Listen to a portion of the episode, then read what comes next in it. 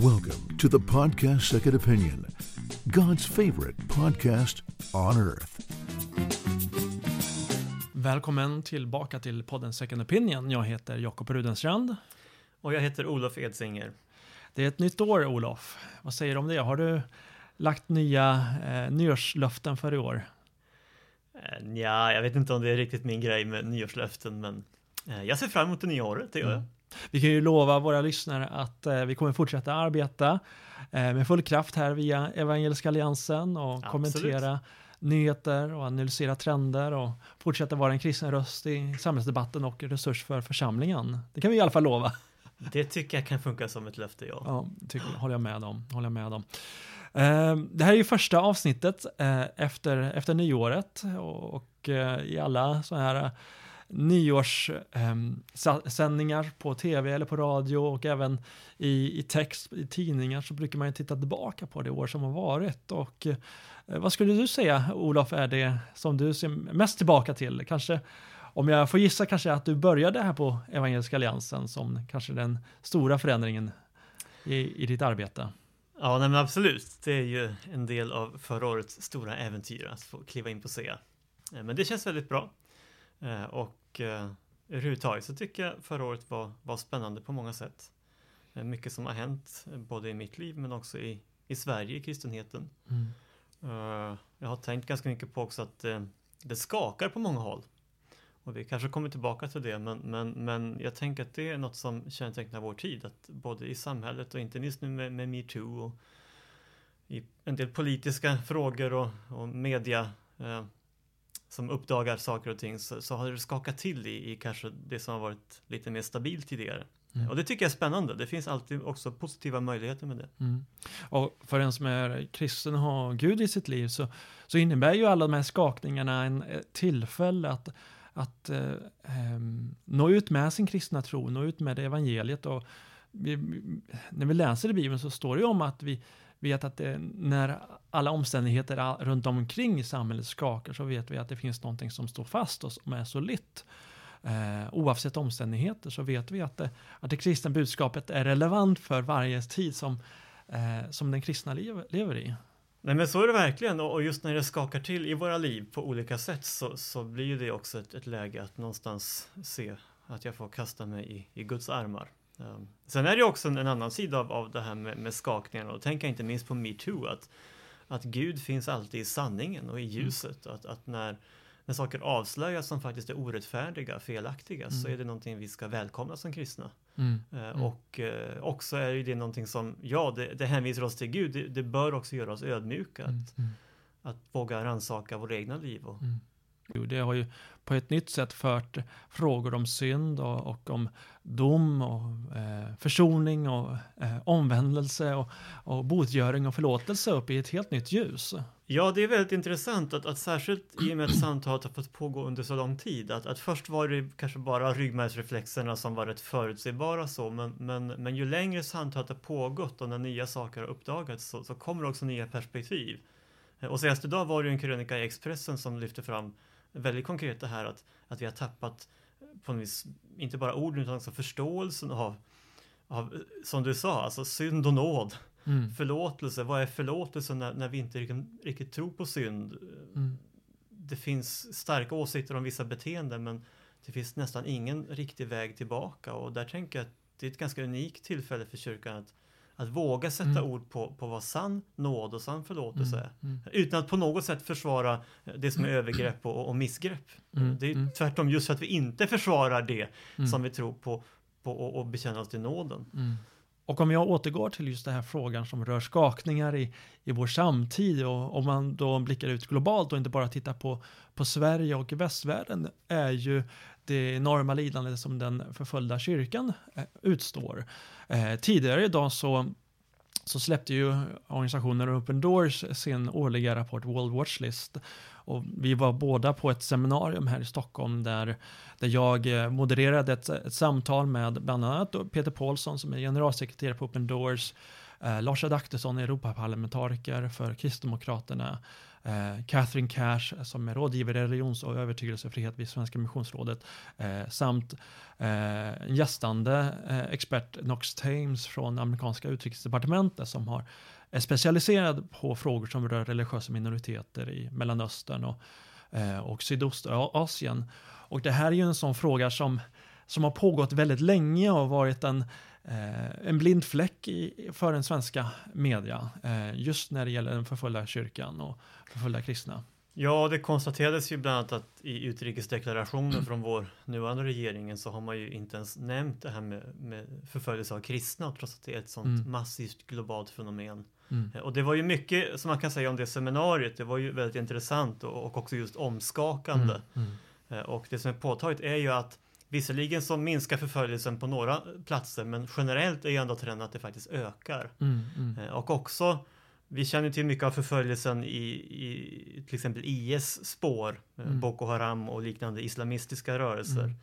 Mm. Men det som sker nu är ju också att, att religioner som under en tid har uppfattats som mer fredliga, mm. till exempel buddhismen och, och, även då kanske hinduismen, ser vi ju nu att, att den visar allt oftare ett väldigt aggressivt ansikte. Mm. Eh, mm. Och, och, själv är jag nästan mest skakad av, av det som sker i Indien som ju ändå är en modern demokrati på många mm. sätt. Att, mm. att det är en, en påtaglig ökning av förföljelse av både kristna och muslimer kan man ju säga då utifrån en hinduisk världsbild och, och religion. Det är ju mm. också tanken på den religiösa staten, mm.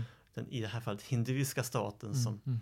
eh, som blir så oerhört förtryckande. Mm. Och där har man ju på, i många delstater implementerat eh, så kallade konverteringslagar där man förbjuder eh, evangelisation och mission bland, bland hinduer och kastlösa och eh, olika folkslag som finns i landet. Och det här är ett stort problem för eh, inte bara eh, utländska missionärer i, i, Indien, men inte minst eh, indierna själva som är kristna och får, eh, får sina kyrkor och sina hem nedbrända, de blir torterade, pastorer blir eh, misshandlade. Ehm, och, sen, och sen inte minst har vi ju, som du säger, det den enorma lidande som kommer i spåren av, av IS skövlingar i, i Syrien och Irak.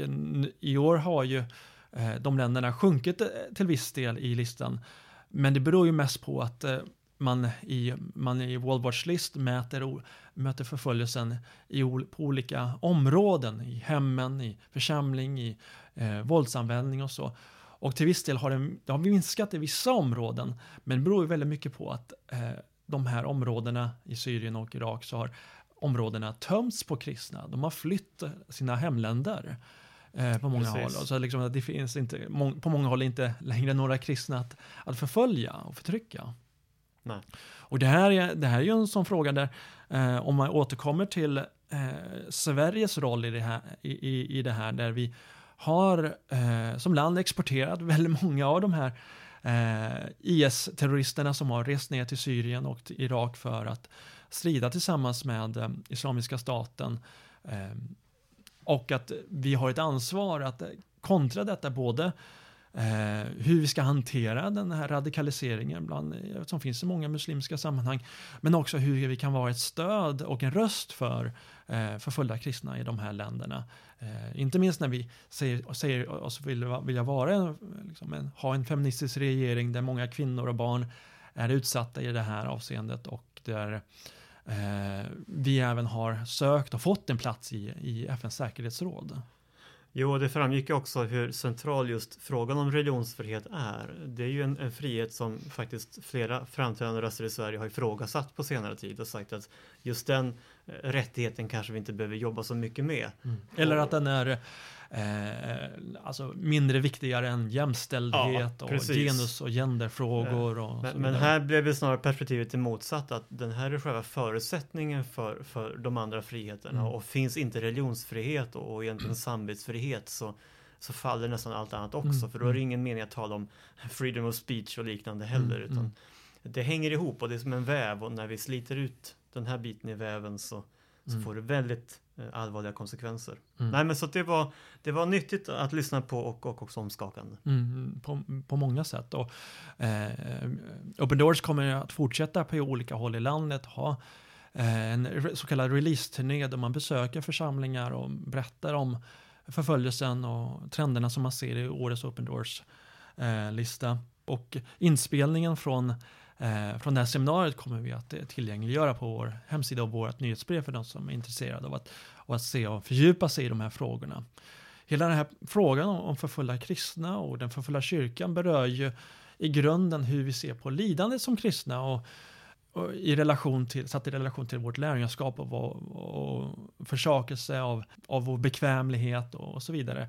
Eh, och det, det tangerar ju lite grann en annan diskussion där, där du Olof har varit engagerad i de senaste alltså, dagen, dagarna i, i tidningen Dagen där du skrev en artikel där du hade en rad synpunkter och ville problematisera kring en, en gästande kristen talares syn på Uppenbarelseboken och eskatologi. Skulle du kunna berätta lite grann kort om vad, eh, vad det här, hur det här, vad har det här med synen på lidande att göra? Jo, nej, men det jag gjorde var ju att jag skrev en artikel i Dagen eh, utifrån en man som heter Jonathan Welton som i sin tur företräder en, en syn på de yttersta tingen som man kallar för preterism. Eh, och eh, det finns mycket att säga om det, eh, men, men, det går väl i grunden ut på att, att allt som Nya Testamentet säger eh, om det vi normalt kallar för yttersta tiden, till exempel Uppenbarelsebokens texter, eh, egentligen bara då syftar fram till templets fall år 70 efter Kristus. Så det har, hans tanke är att, inte, att den inte uttalar sig om kristna i, senare tider. Nej men precis, den, den, är på ett sätt inte särskilt relevant för, för vår tid. Och, och, där kan jag ju tänka att eskatologi är svårt och det finns alltid olika teorier kring de yttersta tingen. Och, och där, där gör vi rätt i att vara lite försiktiga med att slå fast mm. exakt vad som, som gäller och så. Mm. Eh, men det är klart, jag tycker det är viktigt att lyfta det samtalet för att Eh, Eh, det är en väldigt radikalt annorlunda vision av den yttersta tiden som, som vi får om vi går på den linjen. Eh, där till exempel lidandet i hans sätt att tänka eh, det är en slags olycksfall i arbetet som kan, kan ske men det har egentligen ingen direkt koppling till vårt lärjungaskap och, och, definitivt inget eskatologiskt perspektiv att det skulle bli till exempel mer lidande i den yttersta tiden. Och det är klart, när jag blickar ut över vår värld så, så ser vi ju som sagt eh, verkligen att, att lidandet ökar och att de här motsättningarna ökar och, och för mm. mig är det också naturligt att tolka det i ljuset av de här texterna som faktiskt i min mening förutsäger det.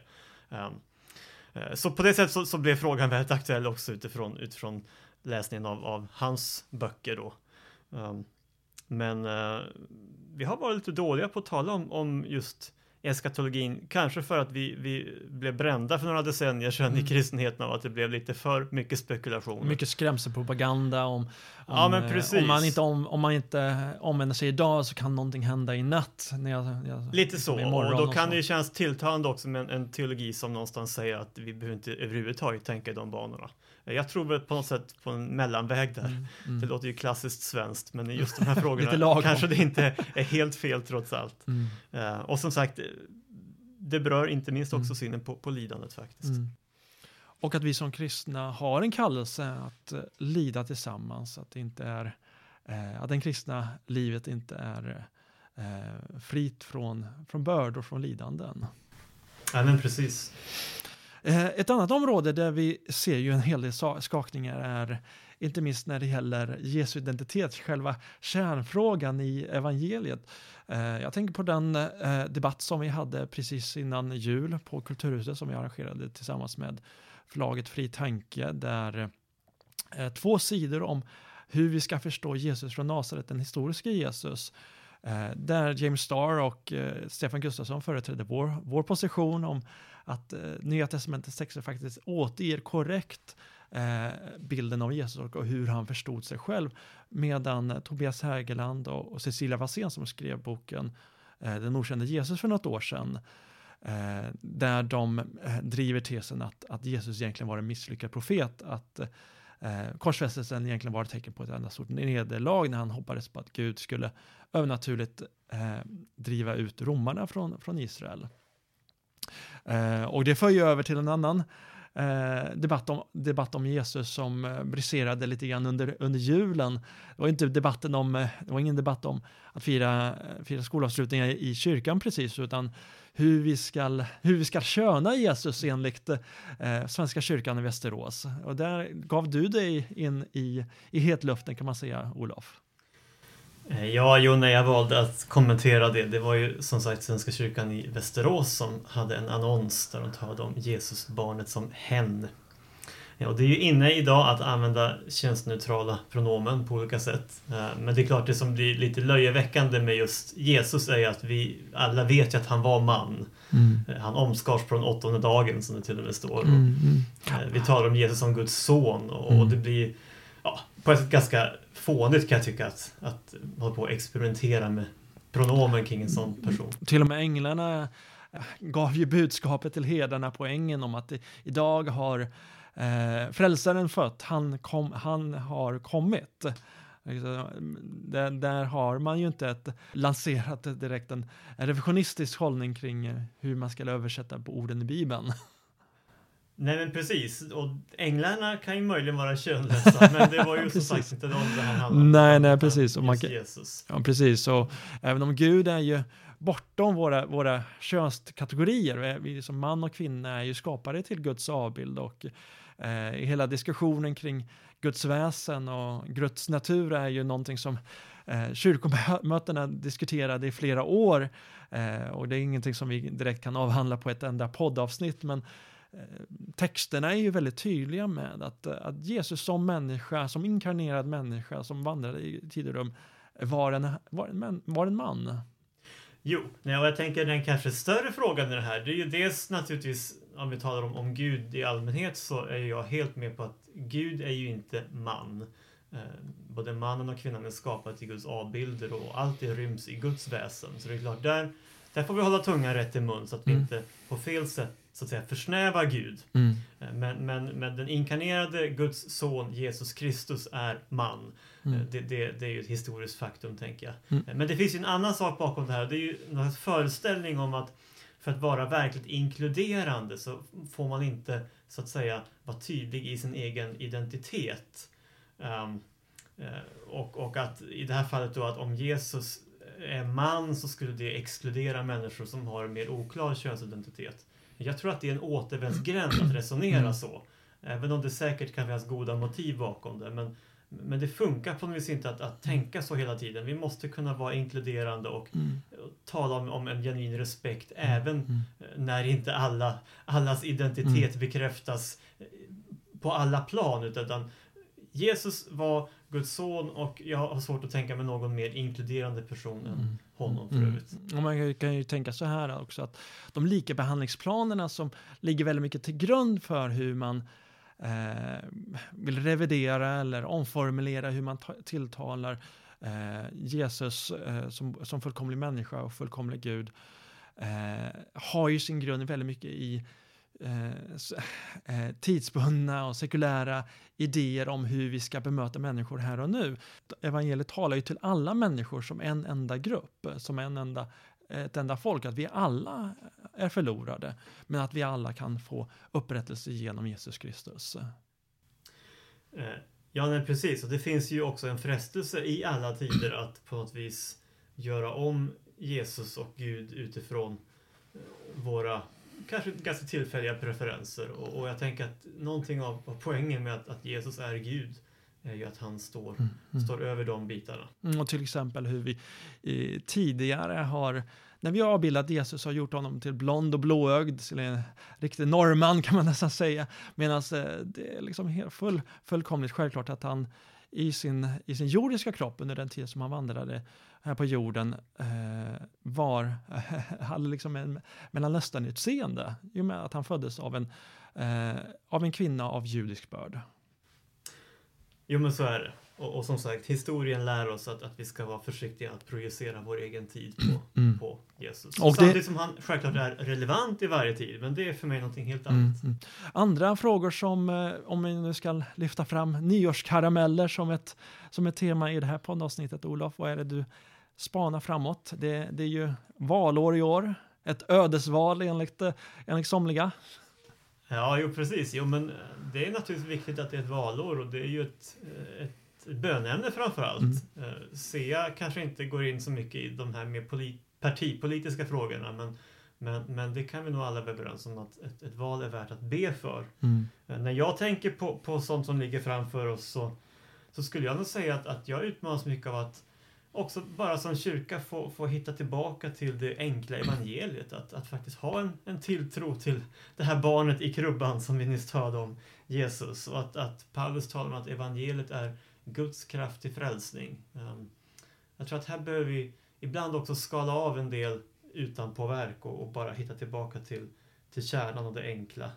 Ehm, jag tänker också att, att, att vi behöver ställa väldigt grundläggande frågor kring vårt församlingsliv. Lever vi eh, lever vi det som är, är Nya Testamentets vision för församlingen? Eh, formas vi till lärjungaskap i vår gemenskap? Ehm, det experimenteras ju en del kring nyplantering, man talar om fresh expressions och simple church och liknande. Och, och många av de impulserna tror jag lyfter in viktiga bitar. Att skala ner, ta det enkla och ta framförallt det, det centrala. Eh, så mm. jag hoppas att det här året också får vara ett år där vi utmanas på det sättet. Mm. Är det något annat du tänker på som, som är relevant för, för just församlingen i Sverige? För att det här är vi ju eh, Eh, hårt pressade på många, i många håll, både församlingar ser vi som minskar i, i, i medlemsantal. Eh, många enskilda kristna upplever liksom, utmaningar att dela med sig av sin tro eh, på arbetsplatsen och på skolan och bland, bland vänner och släkt.